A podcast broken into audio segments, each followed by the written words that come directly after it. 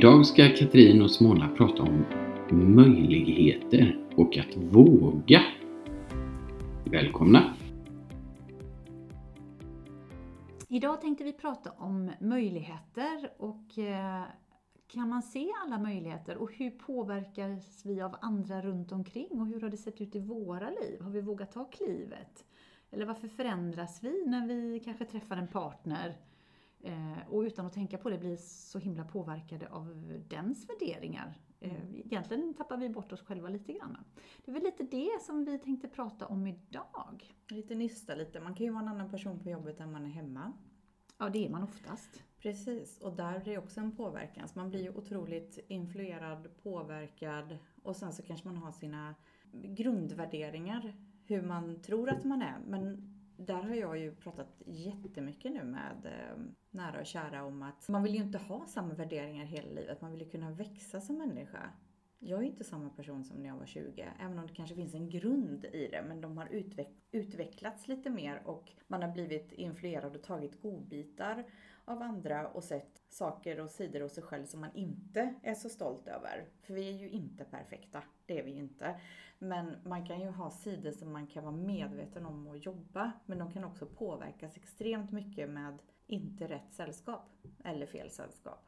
Ja men definitivt. Och det är ganska intressant det du säger när, när man tittar på sig själv. När det gäller värderingar så är det klart att vi skiftar värderingar beroende på var vi befinner oss i livet. Och ni som har lyssnat några gånger vet ju att jag brukar kalla det för olika hållplatser som vi befinner oss i. Att om man tänker fram tills att man fick barn, eh, och ni som har fått barn, så vet man ju att efter, efter man har fått barn så blir värderingarna helt annorlunda. Eh, och jag kan ju säga när barnen växer upp eller när man kommer som jag då är i 50-årsåldern, så, så mina värderingar från det att jag var 40 till idag har ju ändrats också mm. jättemycket. Eh, och, och det tycker jag är så himla härligt att de har gjort det än att stå och stampa på samma ställe. För det är då jag tror den här bitterheten kommer fram lite mer. För att någonstans är man kanske frustrerad att man är samma person.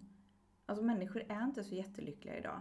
Jag tror kanske det beror mycket på det här att man, lite som jag, jag påade, påade mm. våran, lite så att vi tar andras värderingar och håller fast vid dem fast vi förstår inte att, att de inte är våra och så skapar det en frustration och ilska och bitterhet mm. hos oss. Mm. För att vi liksom stannar kvar i det och vågar inte titta på hur man själv har förändrats. För att när du tittar på dig själv, hur du har förändrats eller dina tankar har förändrats, så innebär ju det också att det blir ett skifte. Mm. Och du inser ju att shit, jag måste, det måste ske till en förändring. Och ibland eh, kanske den parten du bor ihop med inte vill, vill följa i den förändringen. Att det är eh, dags att säga tack och hej då. Och då vet jag ju också att då är det ju jätteobekvämt för man kanske sitter fast i ganska mycket lån och, och, lite annat. Eller man kanske har barn som man känner att nej men det går ju inte, de kan ju inte ha skilda föräldrar. Så man trycker ner det här. Eh, och lite det här, vad ska alla andra säga? Och så sitter man på de här middagarna kanske, eller träffar släkt och vänner och så inser man så här, men gud jag är ett UFO. Jag tänker inte som dem längre. Jag tycker inte som dem längre. Men jag sitter och är tyst för husfridens skull. Precis. Och det är jättehemskt. Ja. Och varför går man då på nästa middag igen? Istället för att kanske bryta sig loss ifrån det. För att jag tycker att man ska försöka må så bra som möjligt. Man kan inte ha liksom de här skala 1 till 10. Man kan inte vara en 10 hela tiden. Det går ju inte utan fram och tillbaka. Men att träffa eh, nya människor, det är ju fantastiskt roligt. Men man känner ju själv att man får liksom säga till sig själv att nu kanske du ska vara lite, inte vara så vulgär utan kanske lite sofistikerad när du träffar människor och inte ta över samtalen eller tycka och tänka utan låta alla, alla prata. Att man lägger liksom lite band på sig själv. Och det, det blir så här intressant reflektion när man har varit eh, och, och träffat nytt och inser att men varför gjorde jag så här? Varför sa jag inte vad jag tyckte och tänkte? Men lite som du var inne på, för husfridens skull.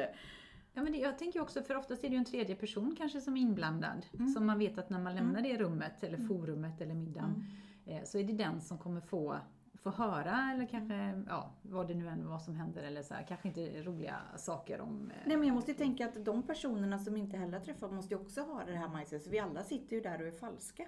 På något sätt. Alltså inte falska, falska så, men att vi inte är i vårt rätta element. Att Nej, det tar det lite inte. tid. Nej, men vad konstigt det blir om man tänker på att alla sitter där, nu ska jag tänka på att nu ska jag vara så här eller jag ska säga de här sakerna. Eller det här budskapet måste jag få fram. Eller nu när liksom det börjar ska prata om politik eller någonting där som det är röster och det det är så känsligt med politik. Men det gör ju inte mig till det parti som jag väljer för jag står ju liksom inte för allt. Men det, det blir så här, det blir fel i väldigt många saker. Och jag vill bara vara jag. Jag har ju hamnat på den hållplatsen i livet att det här är jag. Och det är inte så att jag skiter i alla andra men det jag tycker och tänker är så pass viktigt för mig att jag stand my ground. Fast jag upplever eh, de gångerna som, eh, som kanske någon har förvarnat, om jag får uttrycka mig så, eller Mm. kanske inte behöver inte vara en förvarning, men, men det kan ändå vara så här, ja men jag har träffat en, en person som är på det här och det här sättet, eller, eller ehm, tänk på att nu när du träffar den här, min moster eller farbror, så är den på det här sättet. Mm. Och omedvetet då, så när man går in i det här eh, middagen eller sällskapet så vet man att då har man liksom indirekt blivit tillsagd ett, en förhållningsregel. Ja. Och det är den jag tror man hakar upp sig på. Och så blir man ganska arg på sig själv när man går därifrån. Så vad fick jag in i det? Behövde jag göra? Det var ju inte min, det är ju den personens upplevelse utav den här människan. Måste jag anpassa mig så mycket? Men samtidigt så kan jag tycka så här också att när vi har kommit så långt så att vi blivit så medvetna om att vi faktiskt kan välja att anpassa oss för någon annans husfrids skull eller sådär. Då har vi faktiskt kommit väldigt långt. För i min värld så tycker jag att det gör oss lite eh, vad ska man säga, jag ska inte säga till den, den större människan, men det, det gör oss till den medvetna människan för att vi har faktiskt gjort ett medvetet val att, att hjälpa en annan, om du förstår Mm, lite ja, rätt. precis. För de an, den andra personen eller de, de lever i sin egen bubbla och de har inte kommit så långt. För Nej. de är så mycket uppe i sin egen rumpa, ursäkta uttrycket, så Mm. de, de hittar inte vägen ut. Nej. Liksom. Eh, och jag kan väl också uppleva lite grann när man försöker eh, vara trevlig eller så här, inte gå in i de här diskussionerna Mm. som den här tredje personen har bett en att inte gå in i. Så försöker den här personen hela tiden pocka på den uppmärksamheten. Mm. Att det blir, det blir lite så här, man bara, mm, det blir lite svårt eh, så. Och så försöker man vara politiskt korrekt och så kanske man använder ord som man inte brukar använda för att man tänker så här, ja, ja, jag, jag, skulle ju, jag lovade att inte gå in i det här liksom. Men Simona var ju inte alls sådär eh, framåt och positiv och, och så. Jag tyckte hon var väldigt återhållsam som person. Ja, för att du hade sagt att jag skulle vara så här. Eh, Alltså så blir det ju då. Det är det jag menar med falskheten. Typ att man är ju inte sitt rätta... Eller men sen är det ju väldigt svårt att blotta sig själv till 110 procent. Det tar ju tag, det tar ju ett tag innan någon hinner krafsa igenom alla ens lager innan man kommer liksom fram eller man kan verkligen säga vad man tycker och tänker och den personen vet att det inte är ett påhopp eller någon klagan eller någonting. Liksom hur man uttrycker sig till någon. Fast jag kan känna lite grann så här också när vi pratar om det. Ibland så, så väljer jag, jag, jag, jag kan titta på en person och så tänker jag så här, är det värt det? Har jag lust att gå in i den här diskussionen? Eller vad får jag, vad får jag ut av Ja, det? men det är ju fantastiskt. Och då den tänker jag så här- vill jag komma Och då till. tänker jag så här, jag behöver faktiskt inte gå in i det. Jag kan bara sitta, mm, ja men vad roligt att du tycker det. Men vad spännande, kan inte du utveckla hur du menar? Och så behöver jag inte gå in och säga mina åsikter, vad jag tycker och tänker och sådär. Och, och, eh, och, och jag vet, vi pratade lite grann om det innan. Och det är ju så att, att som kvinna ha en ganska stark utstrålning. Det har jag fått jobba, eh, det har jag inte förstått innan att jag har. Så det har tagit många år för mig att komma till den hållplatsen och inse att jag kan provocera Speciellt män, medelålders män, jättemycket för att jag har en styrka i mig som gör att de, de Mm. blir livrädda. Det har jag fått faktiskt feedback från män också. Att de har sagt till mig att du, du är så liksom intensiv, eller vad ska man säga, ibland när du pratar, du har sån kraft. Eller jag, jag kan se i dina ögon att du ser rakt igenom mig och jag bara, vad, vad pratar de om? Liksom Mm. sådär. Eh, så det gör också att jag kan välja att tona tillbaka för jag känner att jag har inte lust att trigga igång det hos dem. För det ger mig ingenting att gå in i. i Nej, för då får ju du ett annat sorts bemötande. ja men Som precis. det inte är värt att, att bemöta överhuvudtaget. Nej, och jag tänker också så här att när, när jag ser liksom att en, en person har en viss eh, vad ska man säga, beteendestil eller sådär, eh, eller har ett behov att hela tiden hävda sig Mm. och, och liksom lyfta sig själv. Omedvetet så trycker man ju ner andra när man har den, Mm. eh, den Men är inte det osäkerhet? Jo men det, har, det är jättemycket osäkerhet och då, då för, förut så, så kunde jag tänka så här, ja men jag vill också gå in och ta plats, du vet hur man är så här, ja men jag kan också, jag är också duktig, du vet så. Mm. Idag tittar jag och tänker bara så här, ja men kul för den personen, ja ja.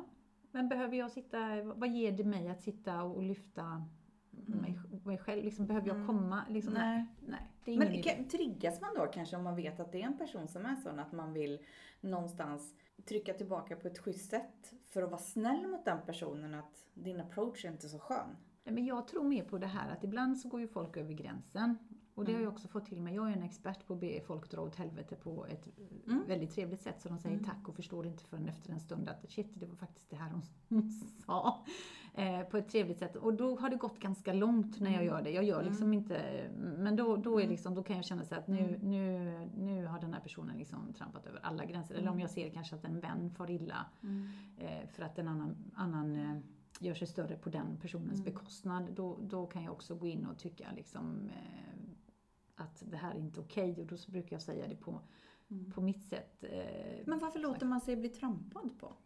jag tror inte man, man upptäcker det. Jag tror inte man, man är så medveten för jag tror att man går in i roller i vissa, i vissa situationer att det bara blir en vana, det blir slentrian och då tänker jag speciellt på syskonskara. Jag tänker också, ni vet när man träffar gamla klasskompisar och så har man utvecklat så mycket, man är en helt Och så annan gå in i de gamla rollerna. Och så går man in i de gamla rollerna. Och det tror jag också har att göra Mm. med i relationer. När man har varit Mm. tillsammans med någon väldigt länge, det behöver inte alltid Mm. vara väldigt länge. Men, men det, blir, det blir en viss jargong och man ser inte. Man, och det här är självupplevt. Att, att man ser inte att parten som man är tillsammans trycker ner en på ett väldigt oschysst sätt genom att Mm. lyfta sig själv. Mm. Man, man är så van vid det som, som man ser inte det längre. Mm.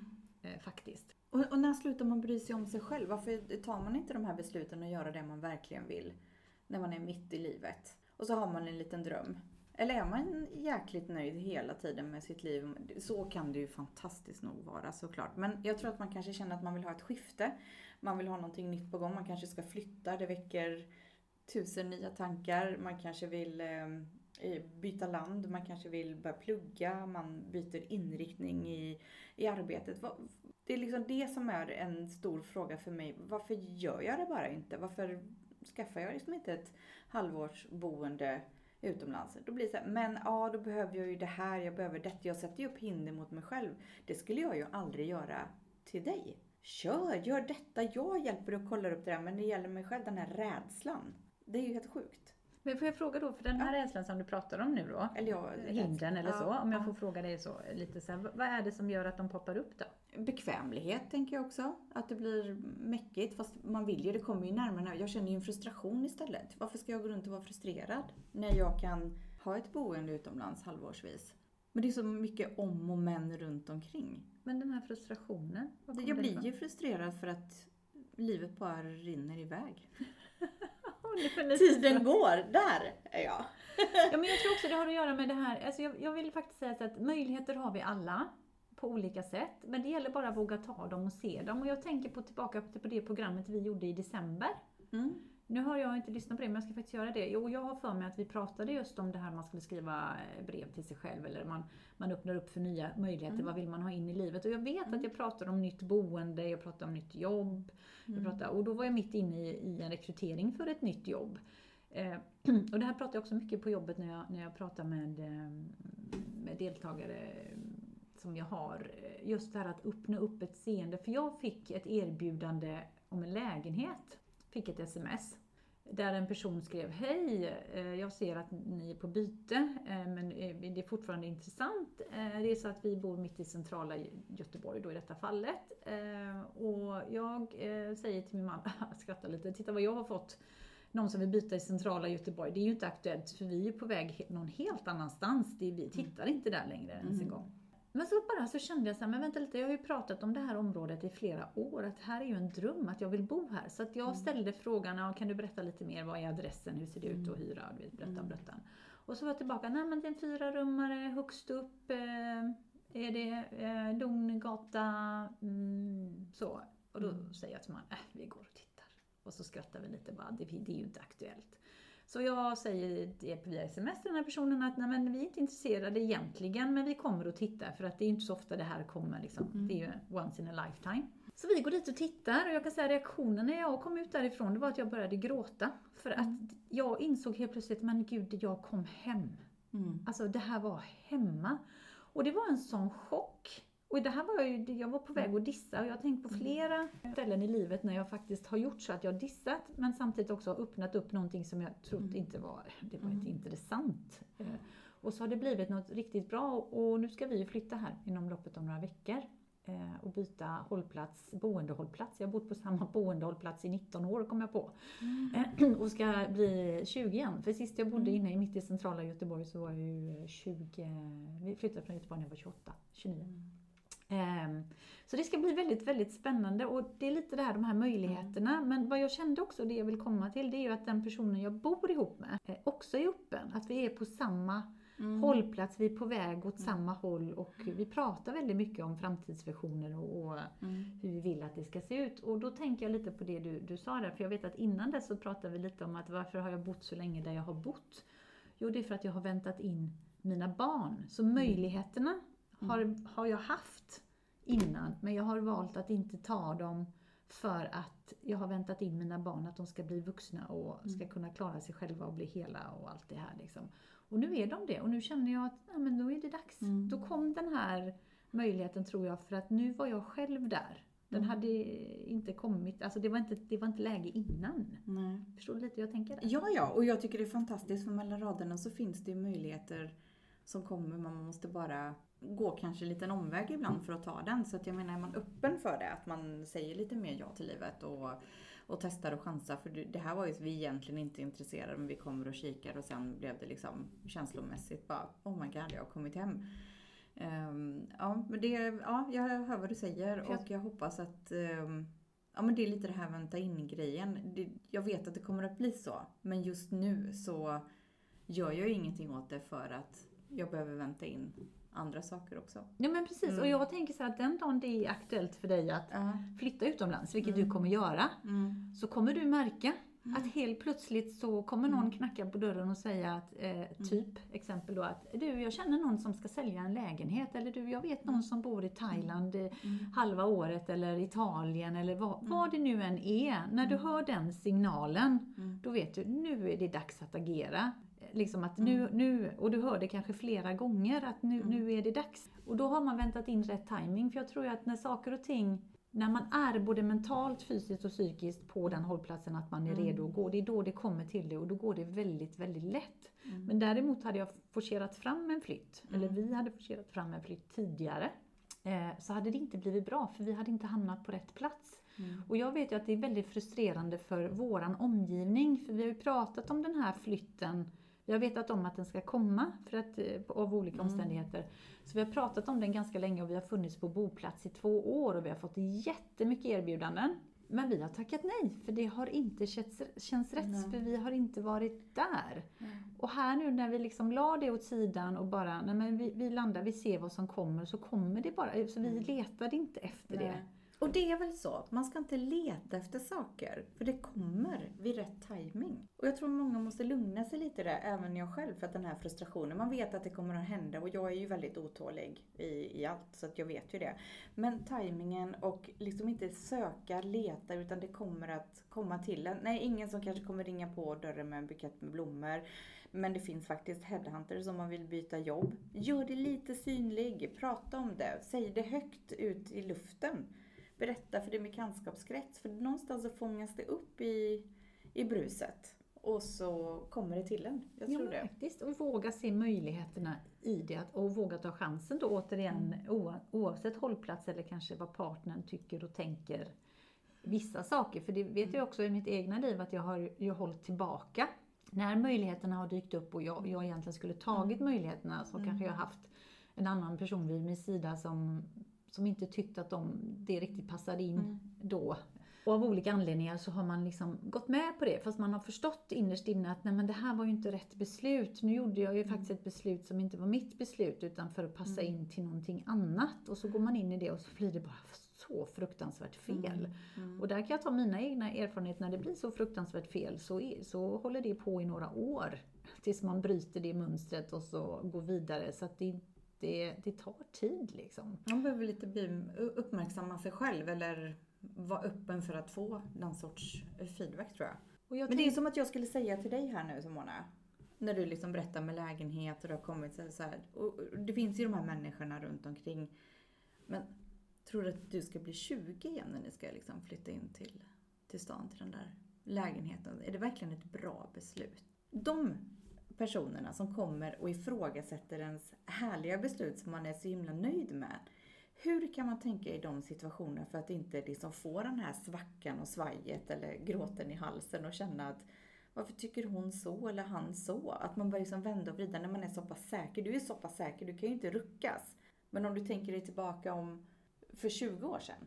Ja, då hade jag blivit fruktansvärt ledsen. Men idag brukar Nej. jag titta på de här personerna Ja. så tänker jag så här att ja, men nu utgår den här människan från sitt eget liv. Eh, och, det, och då tänker jag så att den här människan som säger och uttrycker sig på det sättet som du gjorde nu har ju Mm. en längtan själv att komma in till stan och är Mm. Kanske väldigt, väldigt eh, avundsjuk Mm. för att man, man har tagit och vågat ta det Mm. klivet för att man inte själv är där. Eh, så att jag brukar faktiskt inte lägga någon tid och energi på det när Nej. någon uttrycker sig så. eh, Utan eh, jag brukar svara, men, men det är klart att jag blir 20 igen. För det är ju det jag kommer ihåg. För jag var ju 20 när jag bodde där sist.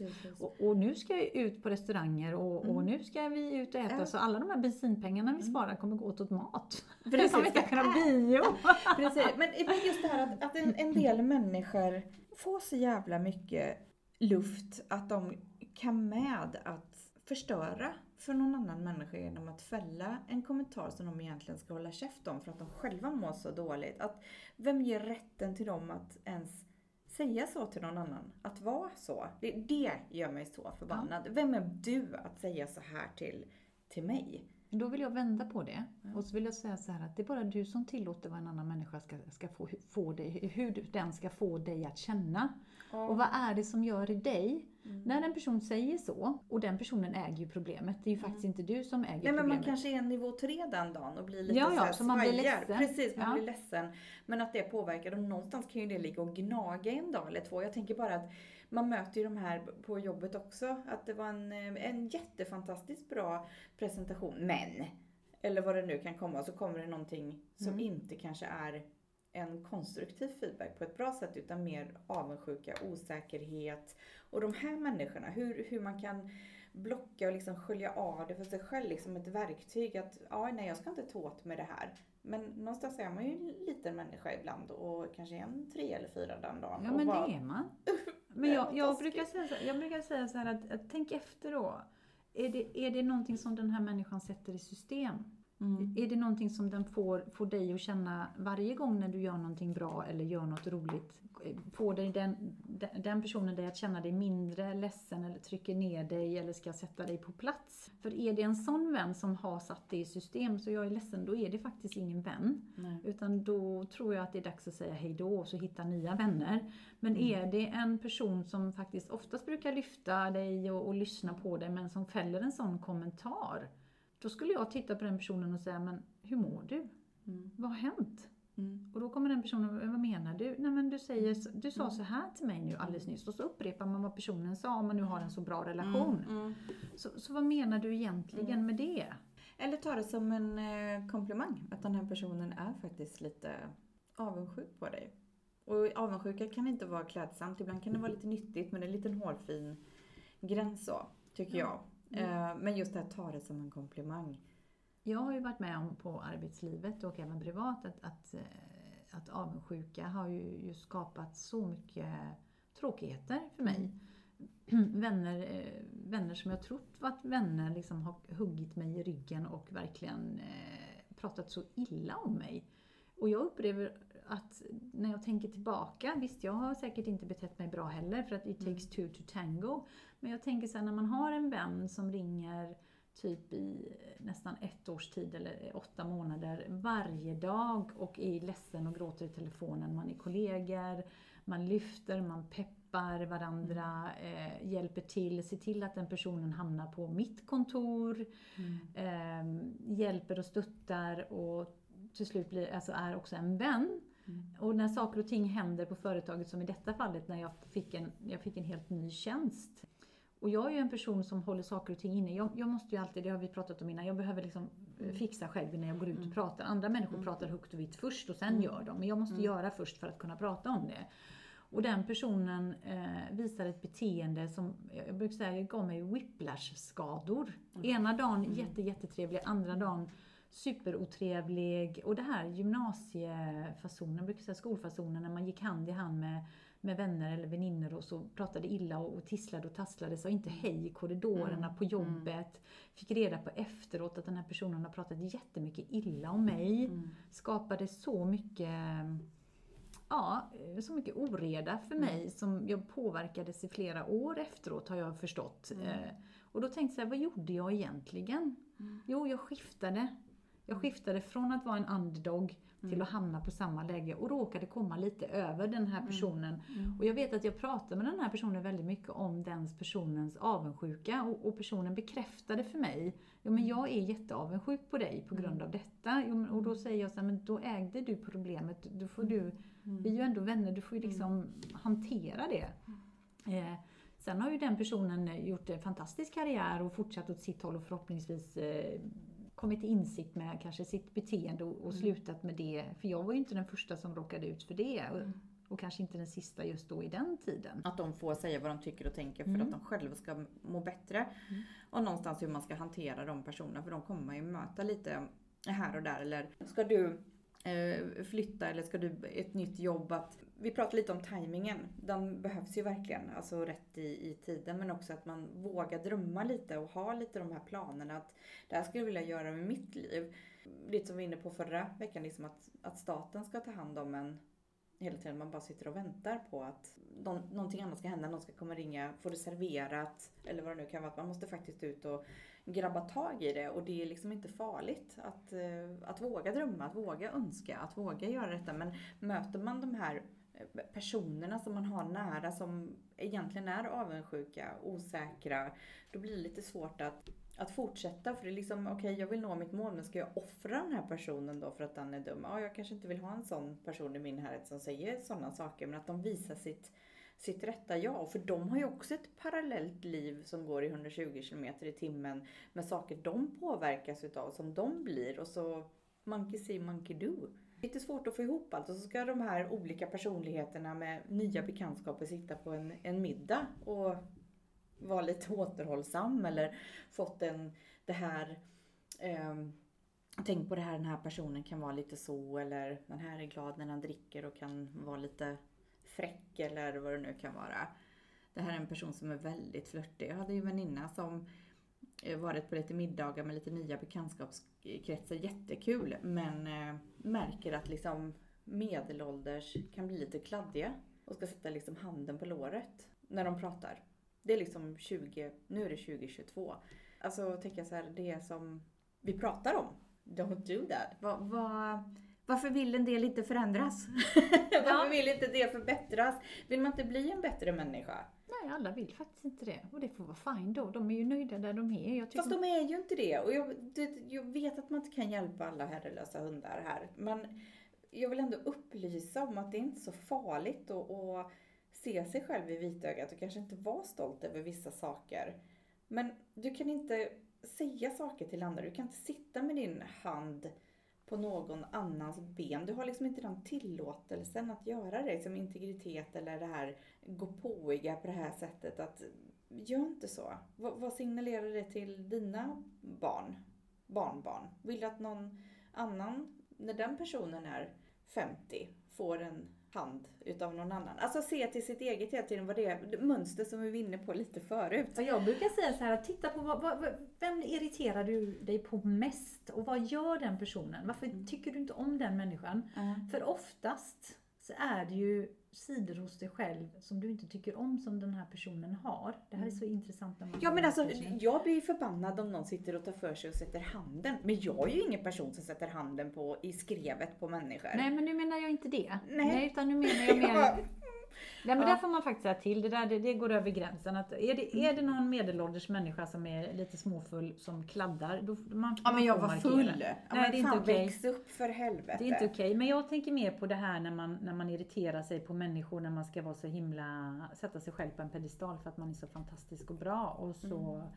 klankar man ner på andra eller tycker inte om en människa för att den har ett visst beteende och ett visst sätt. Och jag tycker det är jätteintressant och jag utgår alltid från mig själv, det vet ni.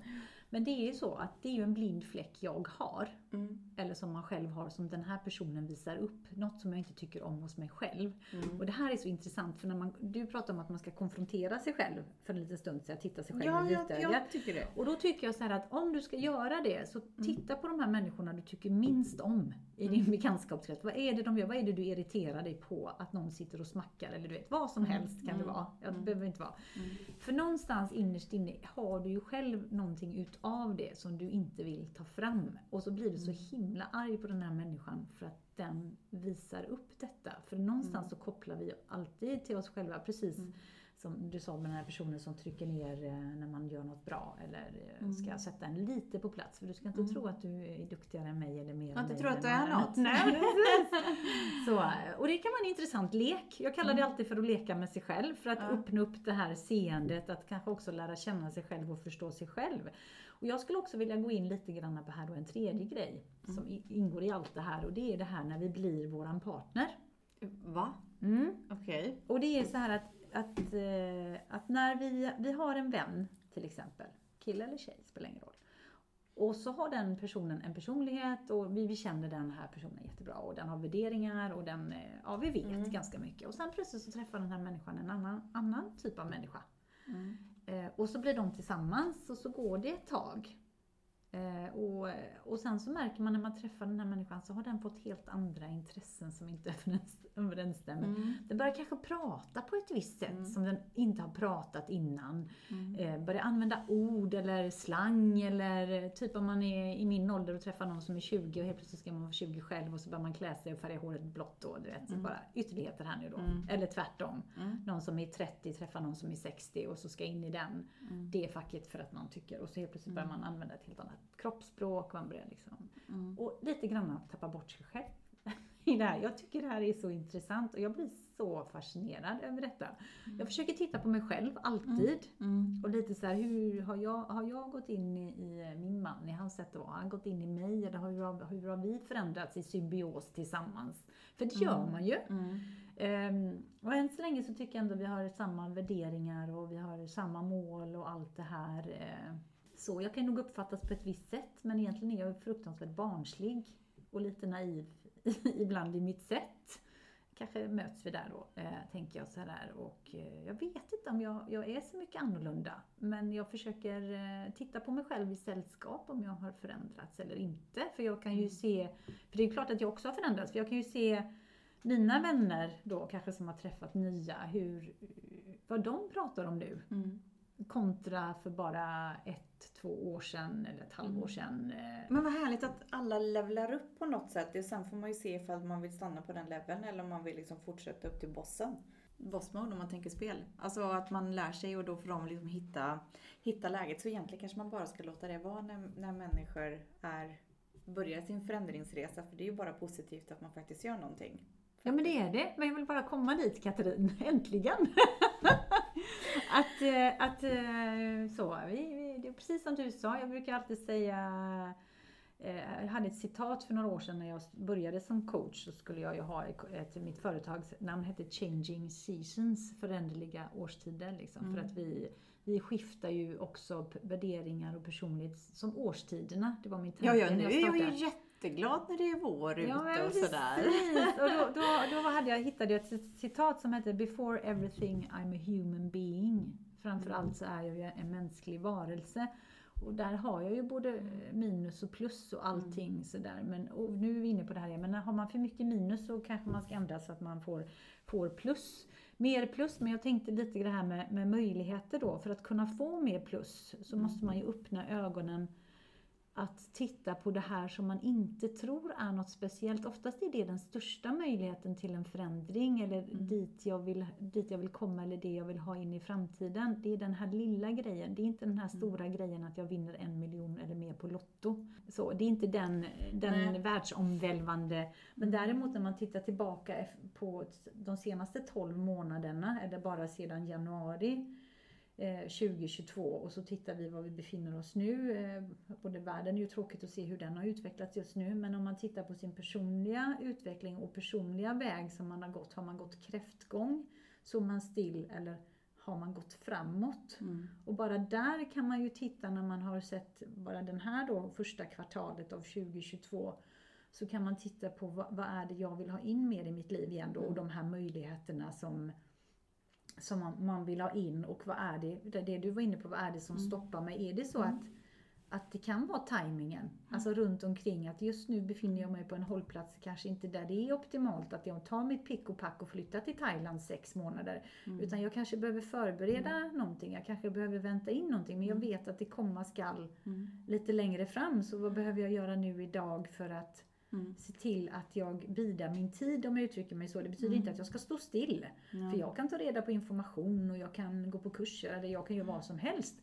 Eh, som ger mig energi och som kanske går lite mer åt det hållet så att när jag är där framme på den hållplatsen så har jag så mycket information eller jag vet så mycket så att jag det bara kommer liksom. Bara. Yay! Ja men precis, för man har ett liv och göra det bästa utav det. Sen kan man ta kul hela tiden, men just att ha att känna att man är på väg, det är jätteviktigt för mig på en resa. Att man har de här hållplatserna som du brukar säga, jag brukar säga nivåer och platåer. Mm. Att, eh, att känna att man är på, på väg. Alltså lite vara sitt bästa jag, sitt högre jag. Och våga göra misstag på vägen och skrubba upp knäna och resa sig upp igen och gå vidare eller ta en omväg eller en genväg som blir en senväg eller vad det nu kan vara. Bara man gör någonting.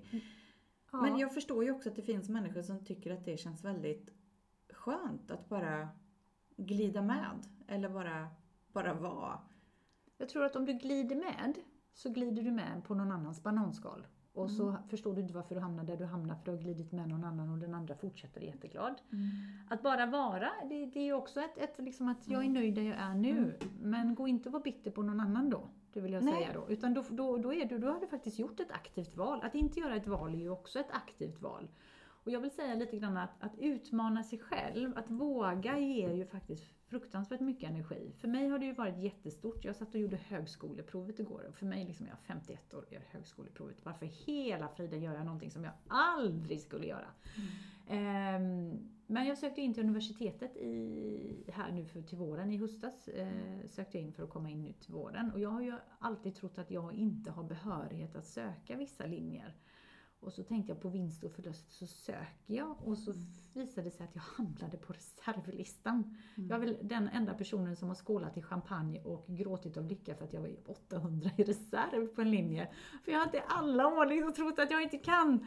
Jag kom in också på vissa kurser som jag valde att tacka nej till för jag insåg att det inte är de kurserna jag vill gå. Sen, sen eh, har jag ju också förstått att jag jag behöver den stimulansen för jag tycker det är roligt att hela tiden utveckla, att hjärnan eh, får jobba på, med ämnen som jag tycker är kul och som jag jobbar med. Sen behöver jag också högskolepoäng för att söka de tjänsterna som jag eh, ska söka med tanke på min, eh, min yrkeslivserfarenhet och sådär. Men där jag inte går vidare på grund av att jag har fått det. Du har inte högskole, du har inte tillräckligt många högskolepoäng.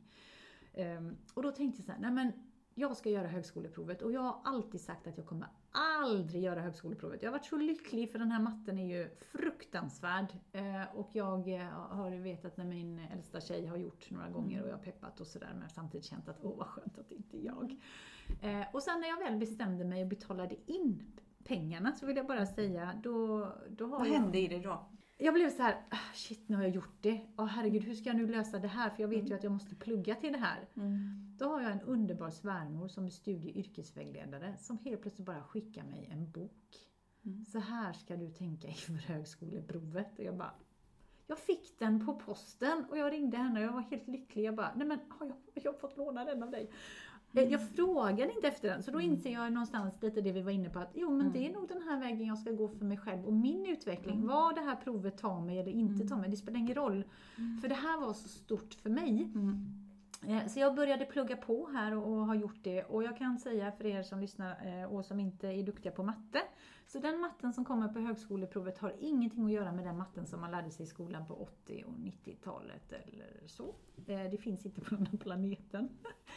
Eh, så, ehm, men det var väldigt, väldigt roligt. Det var jag och alla 17-20-åringar som satt där. Det var hur många skolungdomar som helst. Ehm, och jag hade så roligt Katrin. Mm. Jag hade turen att jag hade, fick två, eller tre stycken läsförståelser, att man, ord och så. För att när man är en viss ålder så kan man läsa en text och så kan man ta ur sammanhanget och så kan man bilda sig en uppfattning och svara på frågorna och lägga in svåra ord. Mm. Det svåra är matten och min taktik, eftersom inte mitt liv står och hänger på det här högskoleprovet så, Nej.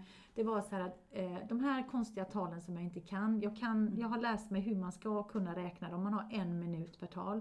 Så jag gick in och gjorde sannolikheten av bara snabbt överslag och tänkte att det här, det här tar jag. Sen alla de här eh, tabellerna, diagrammen och det här. Pelle har eh, eh, 15 röda kulor och, och 10 blåa kulor och tar ut eh, två kulor ur påsen. Hur mycket är stor i sannolikheten att det är två blåa eller en röd och en... Alltså du vet de här.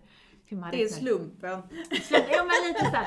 Så jag bara gick, ja, jag bara gick, och jag tänkte så här, jag ska svara på varje Ja. fråga för du får inte minuspoäng. Nej. Du får bara rätt på de som du, Mm. du får rätt. Så Mm. att det är dumt att inte svara för du kan ju faktiskt få ett rätt. Ska vi chansa? Du kan inte få fel. Sannolikheten 50-50. Ja. Precis, och, det, och för mig har detta varit jätte, jättestort. Jag förstår ju att det Mm. inte är så stort för någon annan utan bara, ah, vad kul att du har gjort högskoleprovet. Men i min värld och för mig, att för att göra detta har ju varit, alltså, eh, det är en sån milstolpe. Mm. Så Ja, det är kan fantastiskt. Inte, du kan inte ana det, i alla fall för mig. Och, och, ehm, och jag tycker jag, det har gett mig så mycket energi. Nu ska jag ju söka Mm. in till eh, högskola här igen 15 mars till eh, 15 april tror jag det är öppet här nu igen. Mm. Söka mina enstaka kvällskurser så att jag ska mm, läsa massa roliga saker. Eh, faktiskt, det är en av de här sakerna som återigen jag kommer på med mig själv. Mm. Där jag alltid haft två yrkesliv. Mm.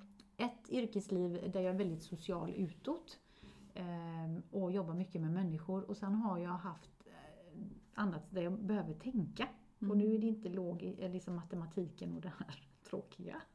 Utan det är mer, eh, mer litteratur, alltså litteraturhistoria och, och det är inte för inte jag har läst dramatik eh, och, och har hjälpt mina barn under alla år med svenskan och engelskan och religion, alla de här ämnena Mm. och, och haft förmånen att sitta med nu när de går på universitetet. Att faktiskt de kommer till mig och frågar mamma kan du läsa igenom mina texter? Eller mamma jag förstår inte, vi ska ha ett ämne, kan du hjälpa mig?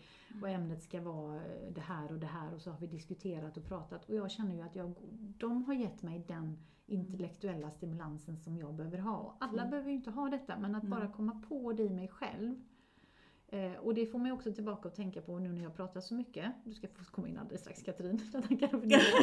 Det. att min mamma sa till mig för några år sedan, eh, och det var faktiskt med förvåning men också med en liten avsky i rösten upplevde jag.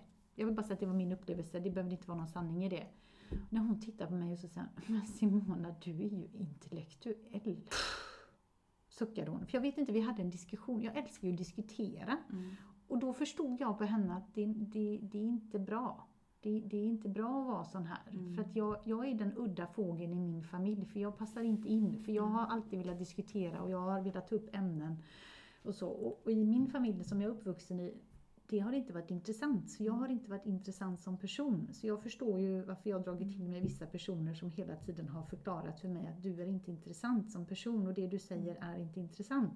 Det har tagit många år Mm. till att förstå att det finns ingen sanning i det. Jag har bara inte träffat på de människorna som har tänkt och tyckt som jag. För Mm. att det har inte varit intressant för dem fast det har varit intressant för mig. Det var det jag ville Mm. säga. Ja, jag tycker det är så häftigt. Jag tycker det är så, ja, men, så modigt på många sätt.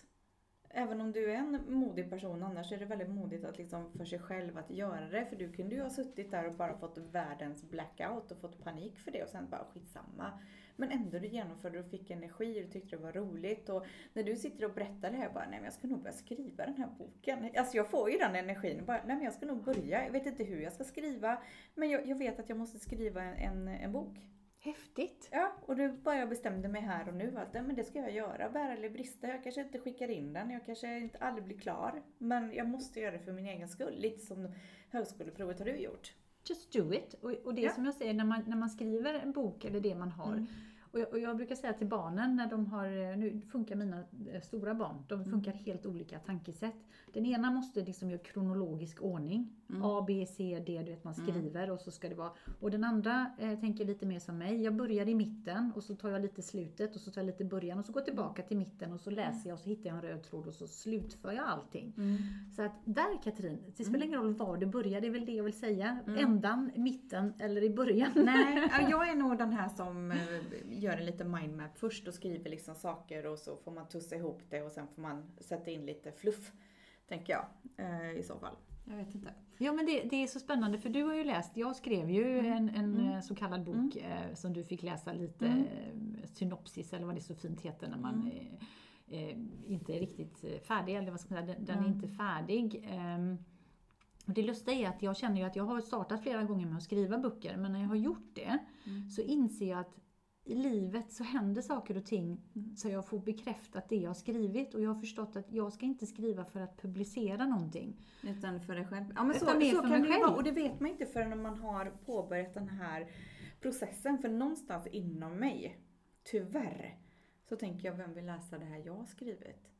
Tänk om alla författare skulle tänka så. Alltså jag vill verkligen inte kalla mig författare för jag har aldrig jag har skrivit typ uppsats i skolan.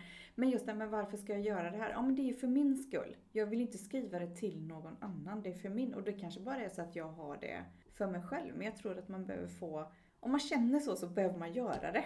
Ja men det tror jag också och jag tror att utgångspunkten är alltid skriv för dig själv. För det är ju så här att eh, budskap som man förmedlar eh, förmedlar alla på sitt sätt.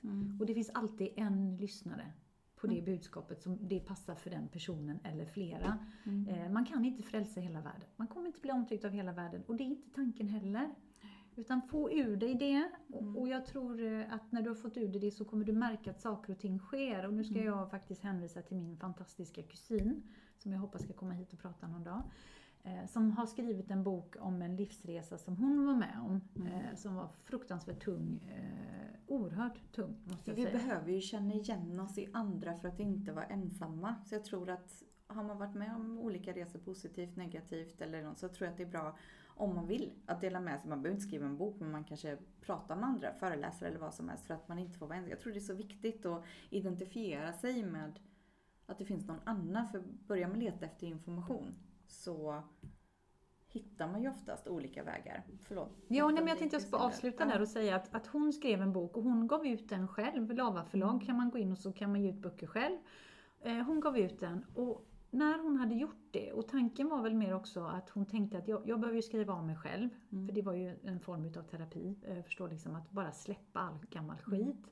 Sen om det hjälper någon på vägen och som vill ta del av det så är det fantastiskt. Mm. Men jag kan uppleva utifrån, jag vet inte om hon håller med mig, men hela hennes, eh, hela hennes, eh, vi pratar om aura, energi eller vad som helst, det har förändrats. Mm. Hela hon har fått ett, en, en inre frid och hon har eh, gjort så fantastiska saker i livet efter det. För det var som en, det var som en förlösning liksom. Mm. Som att en slempropp försvann från hennes liv. Ja, Ursäkta jo, men precis. det. Ja, men, och jag tror att det är Eh, så bra. Mm. Så jag tror att det är bra för att ibland för att komma vidare så behöver man bara få ur sig det och skriva är ju ett sånt himla bra forum för det. Eh, om det är det. Och sen bara släppa och gå vidare.